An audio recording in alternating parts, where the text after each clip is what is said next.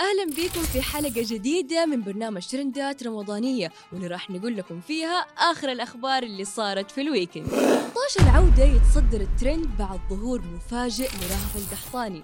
أتصدر مسلسل طاش العودة الترند بعد ظهور مفاجئ لمشهورة السناب شات رهف القحطاني. مستقلات واللي تصدر اسمها قائمة ترندات منصة تويتر بين معجبين ومنتقدين لظهورها وأدائها الفني. وفي أحداث الحلقة الثامنة من المسلسل ظهرت رهف القحطاني بدور زعيمة تنظيم نسائي يسعى للسيطرة على الرجال بسلاح المحزم المليان النووي.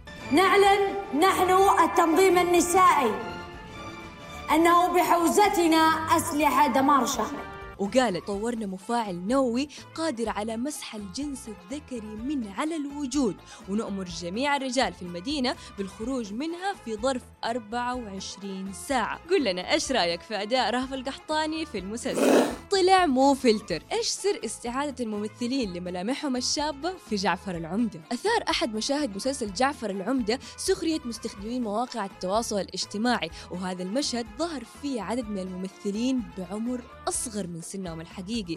وقالوا إنه طريقة الفلاش باك اللي استخدمها القائمين على المسلسل تعتمد على فلتر الطفل اللي موجود بتطبيق سناب شات. بعد كده انتهى الجدال وطلعوا الناس وقالوا إنه المخرج محمد سامي رفض إنه يستعين بدوبلير للفنانين يكون شبههم في سن أصغر واستخدم تقنية معروفة باسم ال de-aging بيلجأ لها المخرجين عشان يصغروا عمر الفنانين. وفعلا قبل كده تم استخدامها في كثير من أفلام مارفل مع فنانين كثير. أبرزهم روبرت داوني جونيور وهي نفس الخاصية اللي استخدمها محمد سامي في أول حلقة من المسلسل وقت تصوير مشهد اختطاف ابن محمد رمضان في المستشفى. ستة مسلسلات جديدة في النص الثاني من رمضان. في النص الثاني من رمضان راح تتعرض مسلسلات جديدة الجمهور كان مستنيها وأهمها مسلسل تحت الوصاية لمنى زكي اللي أثار الجدل قبل حتى عرضه. زي ما قلنا لكم في الحلقات اللي قبل كده. ومن المسلسلات الثانية